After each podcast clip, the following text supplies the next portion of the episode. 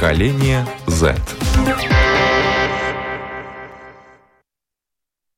Здравствуйте, уважаемые слушатели, уважаемые зрители. Мы приветствуем вас в нашей новой мультимедийной студии. С вами Марина Талапина, режиссеры программы Даниэль Йофф и Роман Жуков, звукооператор Регина Безаня. Спасибо, как всегда, что слушаете нас, что подписываетесь на нас, что смотрите на нас и в Ютубе, и на нашем сайте lr4.lv.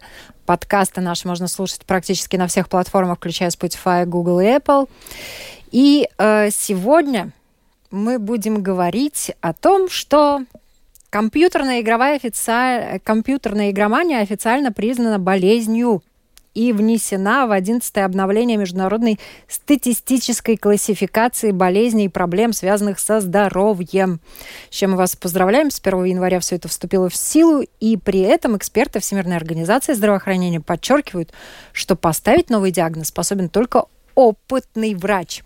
А врачей мы сегодня специально решили не приглашать, и сегодня мы узнаем мнение об игровой зависимости а, что вообще об этом диагнозе думают молодые люди, что, по их мнению, такое игровая зависимость, когда это зависимость, а когда э, это досуг, а может быть даже работа и то, что приносит прибыль. Вообще, если компьютерные игры приносят деньги, можно говорить о зависимости. Я не болен, я играю. Так мы назвали тему нашей сегодняшней программы. Я рада представить с нами в студии Максим Зинкевич. Добрый день. Также с нами на связи Даниил Ив Афанасьев. Добрый день. Привет и э, генеральные директора Ice Hort. Это киберспортивная организация, цель которой пробиться на мировой уровень. Что это такое, поподробнее нам расскажут ребята Алексей Попов и Арсений Шелегов. Ребята, привет. Всем привет. И, э, ребят, давайте начнем с вас. Ice Hort. Что это за компания?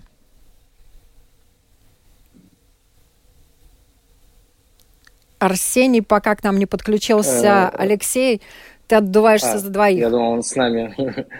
а, ну, Айскорт – это киберспортивная организация, а, которая работает в нескольких дисциплинах игровых, а, целью которой является а, выход на мировой уровень, то есть совершенствование своих навыков и ну, победа на турнирах.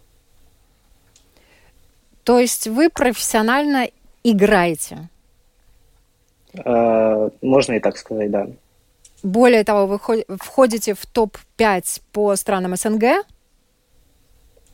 да, наши игроки э, входят в пятерку лучших игроков всего СНГ региона. И у вас очень далеко идущие планы, о которых вы, надеюсь, нам тоже расскажете. Обязательно. Я сейчас хочу, чтобы к нам подключился Даниил, потому что, собственно говоря, благодаря ему э, тема игровая зависимость возникла. Дань, вот что ты думаешь по поводу э, игровой зависимости как диагноза? Это, это можно э, возводить в ранг диагноза, и когда это можно возводить в ранг диагноза? Э, мне кажется, что это вообще можно возродить, возводить в рамки диагноза, потому что в некоторых случаях бывает такое, что люди до истощения сидят за компьютером, буквально. И буквально это единичные случаи, это очень маленький процент от всего этого, но все же такое бывает. И мне все же кажется, что это не какая-то отдельная болезнь, а что это конкретно потеря контроля, это синдром отдельного психического заболевания. Но э, на твой взгляд, я думаю, большое количество молодых людей сейчас играют, правильно? И ты в да. том числе играешь. И сколько времени за игрой в день ты проводишь?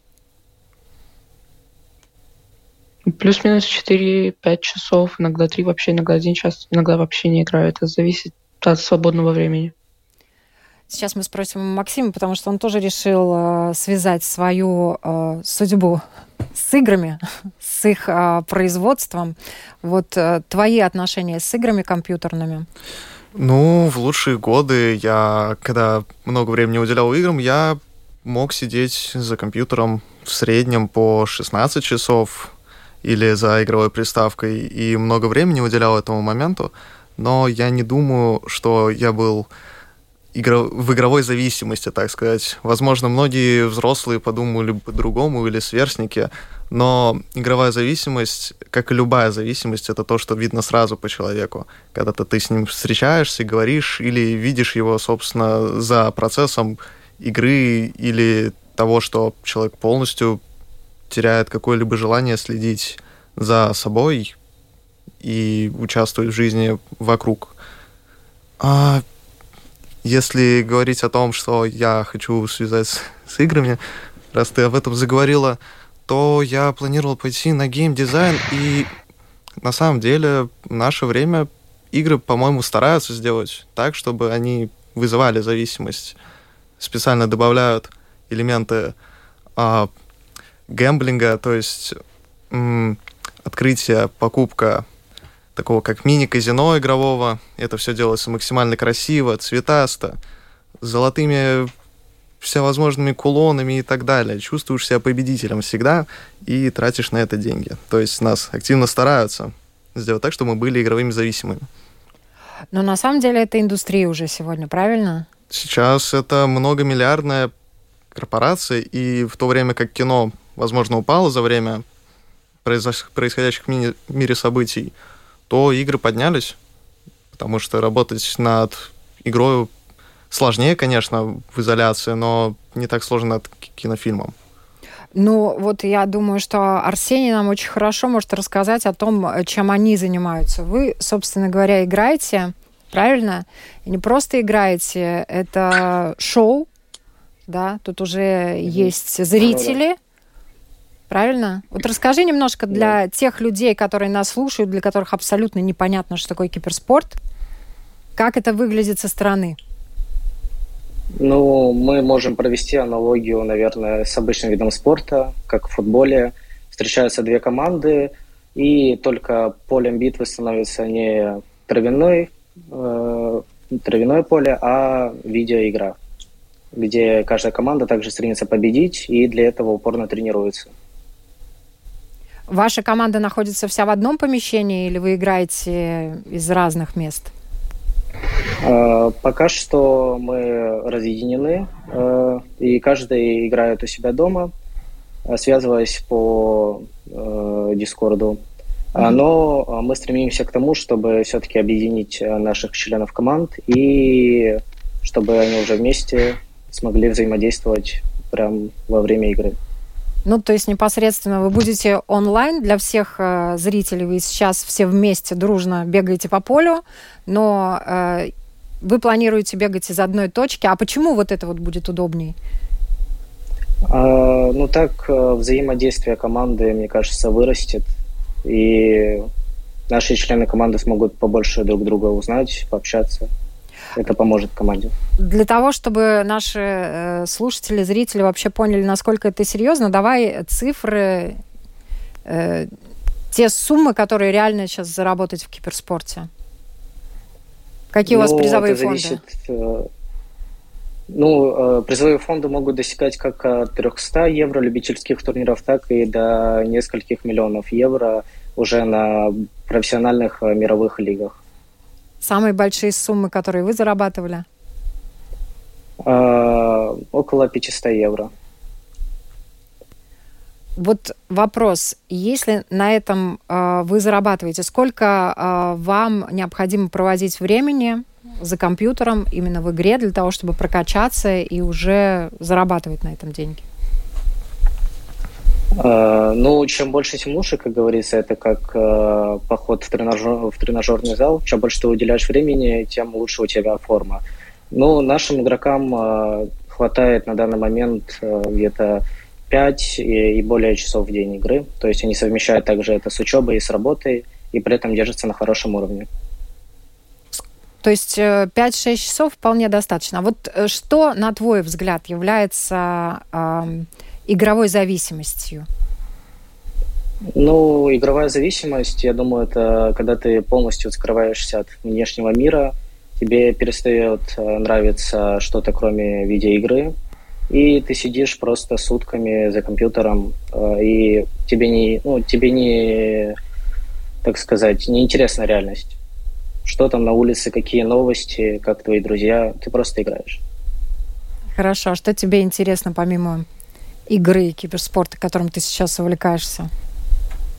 Ну, я также занимаюсь обычным видом спорта, футболом, э, учусь и провожу время с друзьями среди твоих ребят, которые вот с тобой в команде или в других командах, ты вообще наблюдал вот эту вот зависимость? Да, мне встречались люди, которые горели этим настолько, что готовы были отказаться просто от э, всего. Это не редкость? Это часто встречается? Ну, ну нет, я бы не сказал, что это прям частые случаи. Это скорее ну, десятки из э, тысячи людей. А как вы общаетесь с такими ребятами? Потому что я думаю, ну, что встречались всем, да? У всех есть такие примеры. Ну, в них нету прям чего-то особенного, то есть спокойно такие же люди также с ними общались. Если я могу вклиниться в разговор, а, на самом деле игровая зависимость, она настолько же распространена, как и алкогольная зависимость, просто она у людей бывают периоды в жизни, когда они переносят это в легкой форме, когда, допустим, произошло какое-то неудачное событие в жизни или еще что-то, и человек отстраняется и приходит к тому, что приносит ему хоть какое-то удовольствие. И на самом деле, по-моему, многие люди, особенно из которых я знаю, сталкивались с игровой зависимостью, просто как и алкогольная в легкой форме, это проходит со временем, снова появляются какие-то сторонние интересы или как-то развивается ситуация прочее.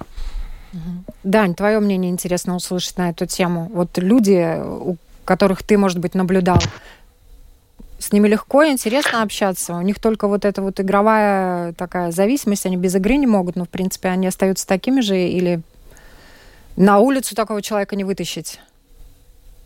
Ну, вот насчет того, что не вытащить на улицу, это да, потому что очень часто, ну, не, не сказать бы, что очень часто, но у меня было достаточно знакомых, которые просто целыми сутками готовы были сидеть дома, готовы были вообще прогуливать учебу, делать что угодно, лишь бы остаться дома за компьютером. И нет, их можно как-то там заставить выйти на улицу. Они там выйдут, подышат воздухом свежим 30 минут, потом пойдут домой и скажут, я тоже идти домой, чтобы с ними поиграть. Но это уже, наверное, реальность. Э, как э, Максим сказал, вот это та же самая тема, как вот с алкогольной зависимостью, да, то есть э, все равно, раз эта индустрия разрастается, вряд ли она завтра вдруг пересмотрит свои какие-то этические нормы там и запретит детям до какого-то определенного возраста играть. Вот на ваш взгляд, с чем связана вот эта зависимость, да? Почему одни ребята сидят, играют 5-6 часов, им достаточно, они даже деньги на этом зарабатывают, да, но они не переключаются, не, не, не уходят в этот э, онлайн-мир, их не заклинивает на этом. От чего это зависит? Макс? Э, связано, по-моему, с тем, что это как любая зависимость, это именно психологический процесс, когда человеку плохо, человек ну, не, не находит себе места, и единственное, что вот ему нужно искать какие-то вещи, которые приносят ему допамин в голову. Или еще что-то, какое-то удовольствие, хотя бы как-то отвлекаться от жизни. И игры часто оказываются под рукой, и это вот каждый выбирает сам как-то, как он избегает реальности событий своих говорящих. А эскипизм. Но вы же начали играть не потому, что у вас все плохо в жизни. Нет, у вас нет. нормальные родители. Я думаю, что те же ребята тоже, ну, у них все в порядке. Их процесс. никто не бьет дома, да, чтобы уходить в онлайн-мир, да, с головой погружаться во все это. Вот, я не знаю, Арсений, может быть, у тебя есть какие-то идеи? Почему люди становятся зависимыми? Да. Одни становятся зависимыми, другие нет. Ну, это такая достаточно ну, новая зависимость для э, нашего мира, свеженькая такая, да? Вот. Конечно, хорошо, что они не употребляют алкоголь и наркотики, да, но тем не менее это все равно нехорошо, что они себя погружают в онлайн и перестают там даже ходить, гулять, некоторые кушать, перестают нормально питаться, некоторые не спят. Мне, я не считаю, что это правильно обвинять во всем игры и алкоголь. Это же происходит от глубокого не, неудовольствия жизнью. То есть раньше игры, игры в целом это такой же досуг, как посмотреть фильм или прочитать книгу. Раньше многие люди, насколько я знаю и слышал от своих родителей, могли часами сидеть и читать дома книги, не видя солнечного света. Это то же самое, это просто то, что приносит человеку удовольствие. Я опять же повторюсь еще раз, когда человеку плохо, он избегает и переходит к тем вещам, которые при, приносят ему удовольствие. Ты сказал, что хорошо, что хотя бы не наркотическая, не алкогольная зависимость, но они все могут идти рука об руку. Есть очень тяжелые случаи, когда человек прибегает и ко всем методам сразу. Тогда человеку, по-моему, нужна исключительно медицинская помощь.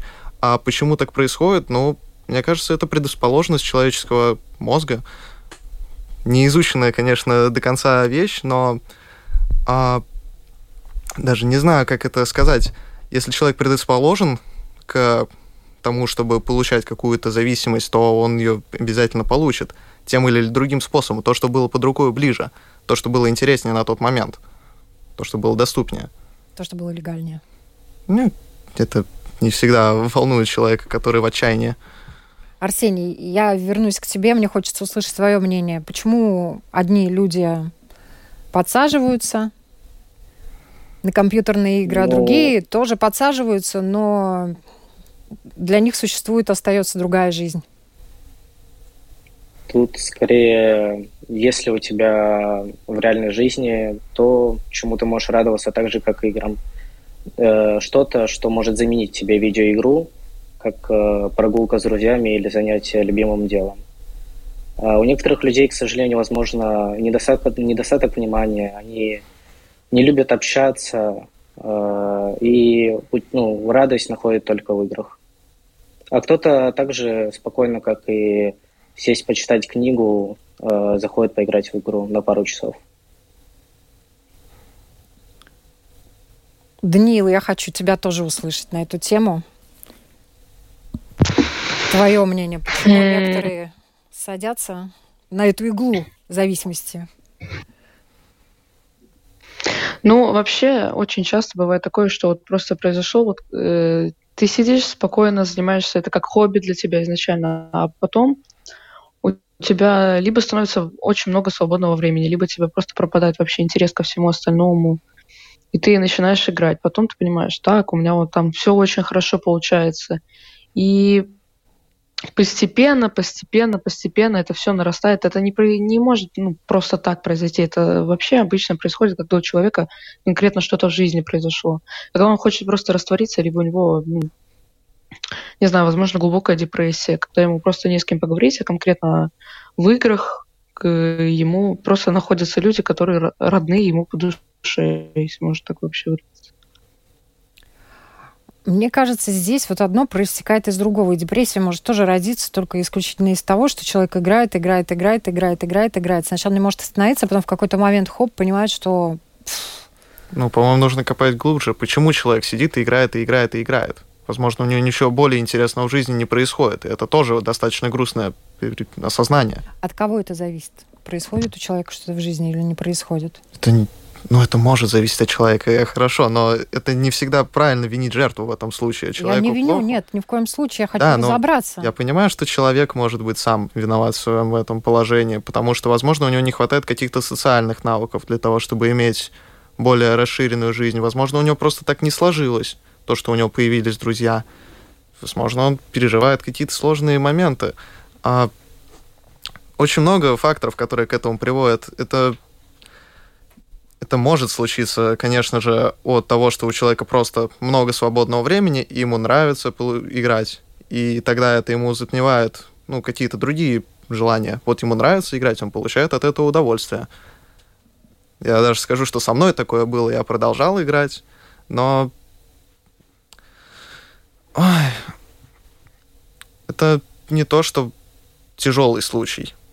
Это не то, что заставляет человека находиться в игре и так, что он не может сбежать из игры и чем-то заняться. Если у человека появляется в таком случае, когда он в игровой зависимости просто потому, что ему нравится играть, у него много свободного времени. Если у него появляются какие-то другие дела, он, конечно же, ими тоже займется. Статистика. По распространенности данной зависимости существенно отличается э, уровень этой зависимости в разных странах, да. И доктор психологических наук Александр Георгиевич Шмелев считает, что около 10-14% людей, пользующихся компьютером, являются заядлыми игроками. Ну, так мягко выражаясь, да. В то же время психолог Гарвардского университета Мореза Орзак э, проводит э, куда менее утешительную статистику, и это э, исследователь считает, что среди лиц, играющих в компьютерные игры, порядка 40, а даже, может быть, 80% страдают зависимостью. Вот на ваш взгляд, кто ближе? Я считаю, что Правда, конечно же, как всегда, посередине где-то. Просто зависит от взгляда человека, который проводил это исследование, потому что для многих людей старшего поколения, которые не имеют такого опыта с игровой индустрией, им может показаться, что проведение за компьютером больше часа за неделю — это уже превышение и избегание реальной жизни тут я, э, на самом деле, специально в начале программы подчеркнула, что эксперты Всемирной организации здравоохранения подчеркивают, что поставить новый диагноз способен только опытный врач. И эти исследования проведены на основе стандартов да, и стандартизированных методик. Соответственно, там все люди, которые были выявлены, у них наблюдались э, одинаковые, там, э, вот как уже Даниил тоже упоминал, да, то есть они забыли поесть, вообще не выходят в свет, не общаются на улице ни с кем и так далее, да, то есть это определенные параметры, которым эти в одной ситуации 10-14% людей соответствует, в другой ситуации 40-80% людей соответствует. То есть это уже... Если это болезнь, есть диагноз, соответственно, есть симптомы, э, которые у этих людей наблюдаются. Это тогда в этом случае, мне кажется, это они усредненные, конечно же, но это очень много зависит от места, в котором человек живет допустим, человеку, который живет, а, скажем так, не в самом густонаселенном городе, в котором не так много развлечений, процент людей, которые играют и зависимы от игр, мне кажется, будет гораздо больше. Логично. Среди твоих знакомых а, как много ребят вообще просто играют? Есть ли среди твоих знакомых люди, которые не играют? На самом деле почти все играют. Я могу больше сказать, даже моя мать играет, но она играет в игры там, где нужно для телефонов я их называю, где нужно сложить три в линию каких-то конфетки. На самом деле все играют, потому что это такой же досуг, как прочтение книги, просто развлечение, провести досуг. Ну да, заполнить паузу. Даниил, Арсений, что вы думаете по этому поводу? У вас есть знакомые, которые не играют? Ну, честно, нет. Таких достаточно мало, да. Мало, да, но есть. То есть ну, вот если... Е... Если взять этот процент а... зависимости, вот 10, 40 или 80 процентов зависимых среди людей, к какой цифре ты склоняешься, Арсений? Ну, наверное, ближе к 40 ближе к 40. Данил, твоя цифра? Ну, у меня, как честно, я знаю, что большинство вообще исследований, они обычно вот предвзяты, вот как говорили, то, что это зависит от того, вообще человек был, пробовал это, если так, садился на эту игру или нет. Потому что пока не поиграешь, не поймешь вообще, что это такое. Я ближе склоняюсь к самым маленьким цифрам, 40 тоже, потому что, ну, я знаю, что это вообще не 40%, я просто в этом уверен, потому что, ну, не так часто встречаются люди, которые прям сутками готовы вот так вот сидеть и просто буф. Ну, зависит от компании. Я с такими встречался достаточно часто, если честно. Было бы очень интересно увидеть статистику зависимости с другими вещами. Допустим, сколько людей зависимы процентов от чтения книг постоянного, 24-часового. Я думаю, что сейчас от этого все меньше и меньше людей зависит. К сожалению, на самом деле, потому это что все говорят, примера. что это развивает, развивает и развивает чтение книг, но читают сейчас люди все меньше и меньше по той же статистике. Ну... Я напоминаю, уважаемые слушатели, зрители, вы э, смотрите и слушаете программу «Поколение Z». Сегодня мы говорим об игровой зависимости, говорим об этом с молодыми людьми, они высказывают свои мнения. И сейчас, во второй части нашей программы, я хотела бы э, вас спросить, потому что у нас светлые головы, и у вас светлые головы, э, которые могут что-то подсказать. Вот что со всем этим делать? Вообще зависимость Естественно, это плохо, когда человек сидит, и кроме игры у него в жизни ничего нет. Вот что с этим делать? Брать этого человека, вести к врачу, Максим? Ну, это определенно зависит от тяжести всей ситуации и возможности. Я повторюсь еще раз, о том, что это как любая другая зависимость. Что мы делаем с людьми, когда у них тяжелые случаи алкогольной зависимости, прям тяжелые которые вредят уже здоровью. Человек не следит за собой, у него просаживается здоровье. Мы стараемся обратиться к помощи специалистов. Если Но специалисты, так... вот в данной ситуации я тебе скажу, а, мы на эти темы не раз говорили, как раз со специалистами, они говорят, что эффективно лечение срабатывает только в той ситуации, когда человек осознает, что у него зависимость. Ну, это самая сложная часть зависимости. Если бы люди всегда осознавали то, что она у них есть, у нас бы не было этой проблемы. А так, если случай не очень тяжелый, то, по-моему, социализация со стороны друзей и близких может помочь человеку. И также какой-то досуг кроме проведения времени дома, например, работа или школа. Потому что, само собой, часто приводит а, к появлению каких-то других дел, помимо этого. Зависит все очень много от всего, если честно. Если у человека действительно некому обратиться, то тяжело, и непонятно, что с этим делать. Сложная болезнь. Арсений, твое мнение. Как можно помочь этим ребятам, если уже зависимость наблюдается? Ну, правильно, наверное, сказал э, то, что зависит все от э, степени, то есть насколько серьезно уже последствия и если это легкая форма, то с человеком можно просто попробовать поговорить с близкими людьми, то есть это семья или лучшие друзья, расспросить его, как у него вообще дела. Возможно, ему недостаток, ну, у него недостаток общения. Если же эта форма уже более тяжелая, то тут, наверное, нужна помощь э, специалистов. Даниил, твой взгляд на проблему? Вообще можно ли донести до человека, зависимого от э, компьютерной игры, что он зависим? Ну, честно, поскольку, вот, как я и говорю, у меня в окружении редко, очень редко, но встречался человек, конкретно не знаю сколько, но одного точно помню. И до него достучаться я пытался, я пытался с ним как-то вот наладить контакт, пытался выводить его на улицу. И буквально до тех пор, пока не отобрали, грубо говоря, игрушку, ни, ничего не закончилось. Я не хочу говорить, что это вообще правильно, но конкретно в той ситуации, в которой это было, до него уже ничего нельзя было донести. Он просто все сел и забыл. Не дозвониться, ничего. Но ему удалось помочь? отобрав от него ну, компьютер? Ну, сейчас, кон- конкретно сейчас я с ним не общаюсь, но на тот момент целый месяц буквально замечательный человек, бегал, прыгал, порхал на улице, и ну, все было замечательно. То есть сработало? Ну, можно и так сказать. Но после того, как, как гадали, так и все, и пропал. И на этом наше общение, в принципе, закончилось отдали, и он вернулся назад, да. Ну вот, э, на твой взгляд, э, медики могут помочь, если такая зависимость есть? Тут, Я не знаю, если вообще существовал бы какой-нибудь отдельный курс лечения, а их просто не существует на данный момент, как мне кажется, то, в принципе, какой-нибудь очень качественный психотерапевт, специалист, конечно же, за очень большие деньги мог бы помочь человеку, но ни у кого этих денег, как обычно, нету.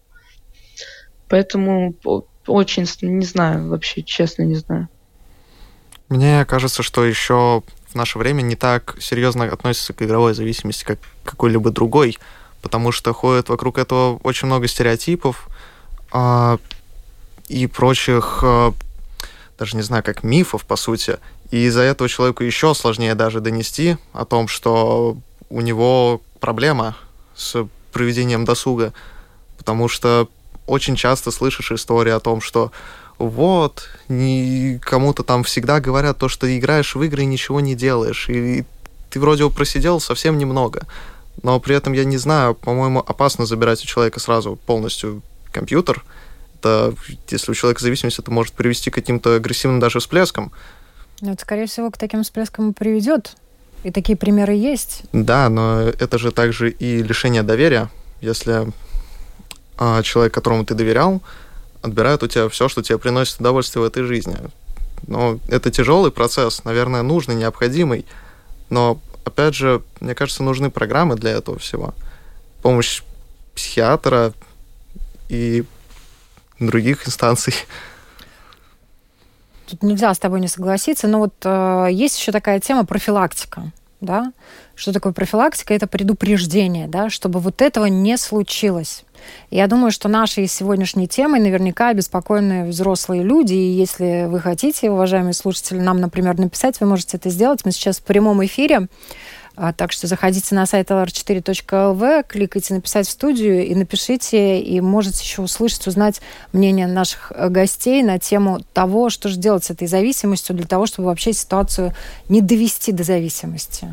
Только для родителей нужно быть достаточно осторожным с этими профилактическими нормами, потому что если человек, допустим, читает книгу или смотрит фильм, и к нему приходят и начинают говорить то, что то, что ты делаешь, это неправильно, это вредно и нездорово, конечно, можно получить ну, не самую адекватную реакцию в ответ, потому что человек занимается просто тем, что нравится. Нужно очень аккуратно, Но... не насаживаясь на нервы к человеку, потому что иначе это просто будет конфликт, человек закроется и не будет вам рассказывать. И это когда он уже смотрит, это когда он уже играет, то есть это уже процесс какой-то запущен, да? То Нет, есть, я не говорю о запущенном процессе. Не-не-не, я, я имею в виду не запущен, ну, кнопочка нажата, которая может привести либо к зависимости, либо человек научится этим пользоваться и получать от этого удовольствие, и не лишать себя других удовольствий. Вот, Даниил, вот хочется услышать твое мнение. Если, например, э, ребенок совсем маленький, да, с чего все начинается? С того, что ребенку дают э, там, телефон поиграть, компьютер покупают, да, и что он там начинает делать? Он начинает, например, играть в какие-то развивающие игры. Правильно? Вот да. где э, та э, грань, какие, может быть, должны быть правила э, по отношению к детям э, и использованию ими компьютеров и гаджетов? Как вы считаете, их надо там ограничивать? Некоторые родители дают уже в три года и в два года телефон и компьютер своим э, детям. Некоторые как раз дают для того, чтобы ребенок не мешал и там завис, да, и просто сидел тихо и спокойно. Вот. А некоторые там с целью развития дают ребенку и компьютер, и телефон. И в итоге вот это может перерасти в зависимость, а может не перерасти. Вот тут надо ставить какие-то рамки и ограничения. Есть всемирно известные организации, которые ставят игровые рейтинги и пишут советы, Возраст. по сути, для родителей о том, сколько играть, о том, возраст какой должен быть для игры. Это всем данная известная информация. Ну, хорошо. Я не думаю, что всем, к сожалению, известна эта информация. Даниил, ответь, пожалуйста, на мой вопрос. Честно, мне кажется, что элементарно сделать то, что вот должен сделать, там буквально вынесем, ну, не вынесем мусор для маленьких детей, это, конечно, перегибание палки, уберись в комнате и все, и, ну, особых сильных ограничений, это, конечно, если у ребенка целый свободный день, то не знаю, это зависит от предпочтений родителей. Когда ребенок очень маленький, то тогда да, а когда ребенку уже там буквально ну, от 10 до 18 лет, то ограничивать его это максимум сделаю уроки по моему посуду.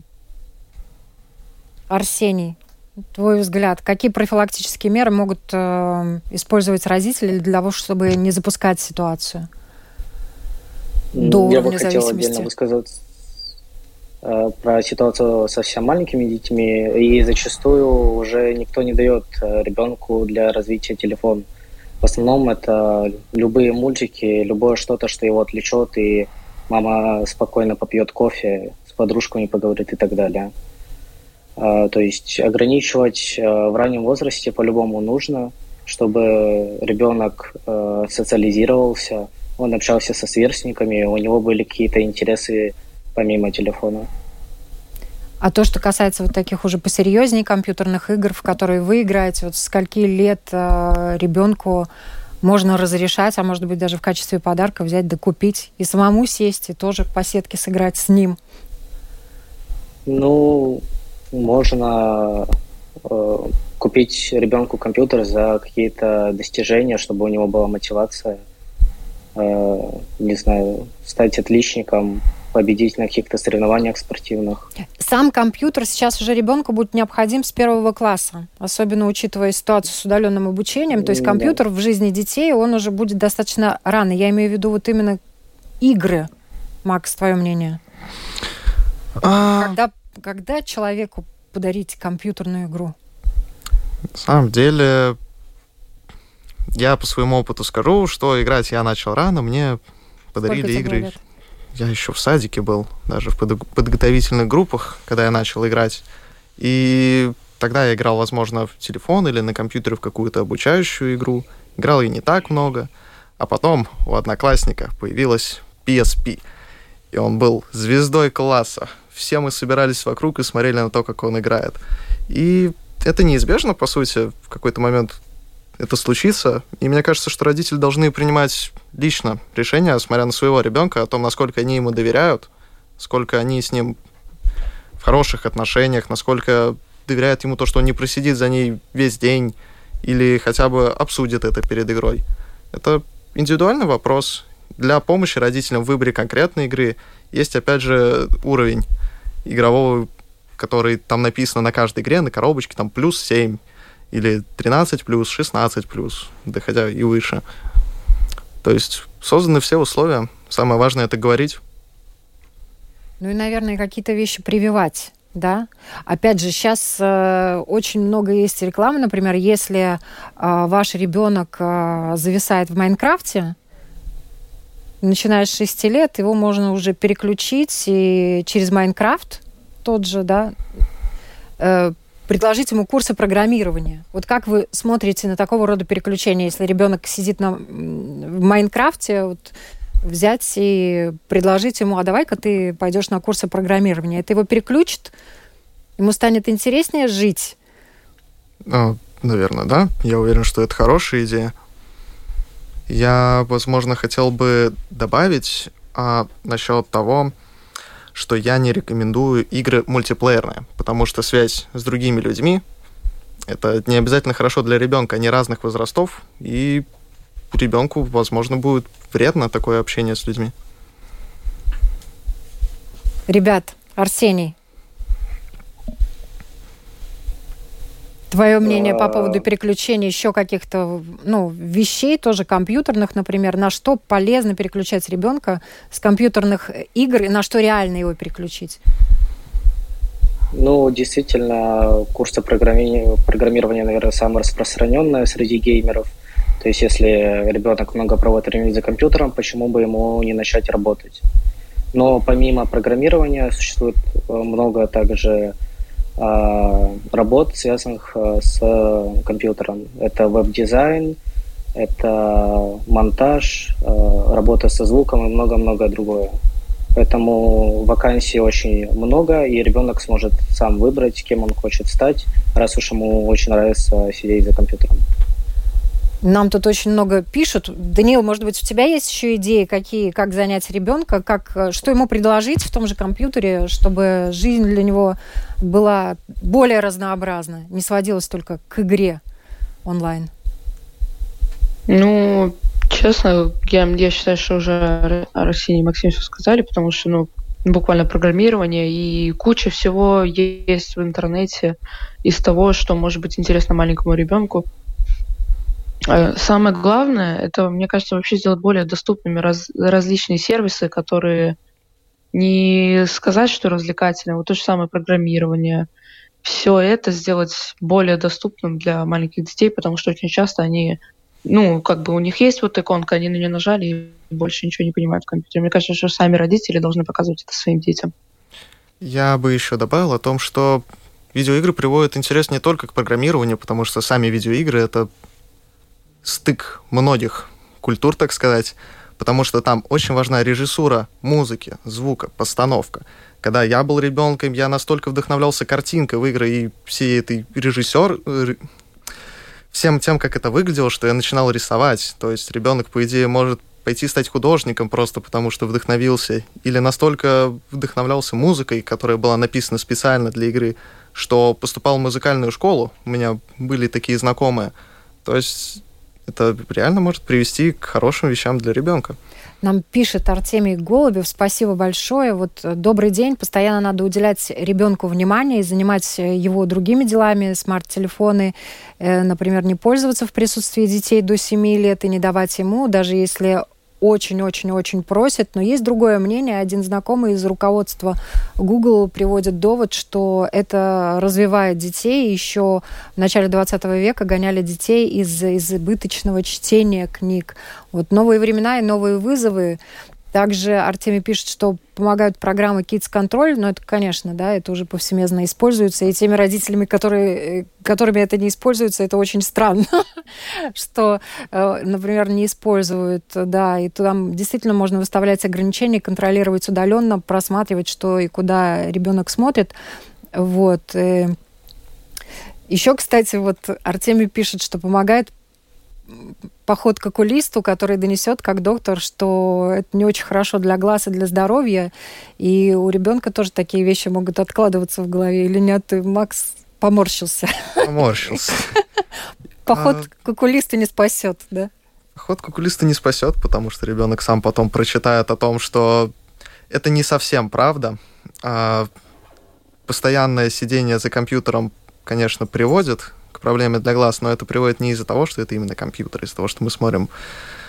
А, там индивидуальный очень вопрос, но не все так страшно, как пугают иногда родители с окулистом, то, что вот ты посмотрел 4 часа в телефон, все, ты ослепнешь к 20 годам, больше не увидишь солнечного света никогда. А... Ну, детей сейчас гораздо больше, которые носят на... очки, это тоже правда, да. Э, ну, хочется уже в завершении нашей программы от вас какие-то такие вещи еще, может быть, которые вы хотели произнести в связи с этой игровой зависимостью и донести до наших слушателей и зрителей разных возрастов, потому что сейчас играют, э, играют все. Разве что только бабушки, дедушки глубокого пенсионного возраста, у которых действительно уже испорчено зрение, они, наверное, там за компьютерами не сидят и в танчики бабушки, не гоняют. Дедушки а... поддерживают внуков, которые сидят и играют. Да, они денежку им копят на то, чтобы те играли, конечно. Вот, ну, давайте. Арсений, давай начнем с тебя. Ну, игровая зависимость это довольно страшно, но если уметь себя контролировать, если есть те, кто тебя смогут достать из этой из этого виртуального мира, то игры это неплохо, это такой же досуг, как э, чтение, и в этом нет ничего страшного. Ну да, и благодаря этому можно зарабатывать приличные деньги. Да, это как э, дополнительно. Если ты не видишь себя э, кем-то в реальной жизни, то ты можешь стать э, геймером, и уже профессионально заниматься играми. Даниил. Ну, в принципе, я не знаю, мне кажется, что вообще сама тема вот игровой зависимости, она сейчас, э, ее просто надо, чтобы этим занялись те люди, которые понимают, что это такое. Не какие-нибудь там очень старые люди, которые вот ко всему постоянно, вот ты в компьютере вот буквально, да, там посидел 4 часа, все, ослеп, все, у тебя зависимость, нельзя тебе вообще дотрагиваться до этого ужаса, вы, выкинуть с окна компьютер и забыть про это. Мне кажется, что этим должны заняться люди, которые понимают, что это такое, и которым больше об этом известно, чем более старому поколению, если так можно выразиться. Максим. Ну, игровая зависимость страшна так же, как любая другая зависимость. Но игровая индустрия в целом, по-моему, очень потенциально а, творческое пространство, которое может создать реально прекрасное искусство, развивающий контент, материал. И я думаю, что когда я стану постарше, я буду сидеть с внуками и играть в приставку. Вот так вот. Спасибо вам огромное. Я считаю, что действительно надо изначально уделять достаточно много времени своим близким, особенно детям, показывать им, наверное, как многообразен этот мир, что можно получать удовольствие от прогулок, и от путешествий, от общения с друзьями, от чтения книг, прослушивания музыки и всего остального, тогда, наверное, компьютер будет просто частью жизни, а не всей жизнью. Спасибо вам большое за эту программу. Мне понравилось. Надеюсь, вам, уважаемые зрители и слушатели, тоже. Всем пока.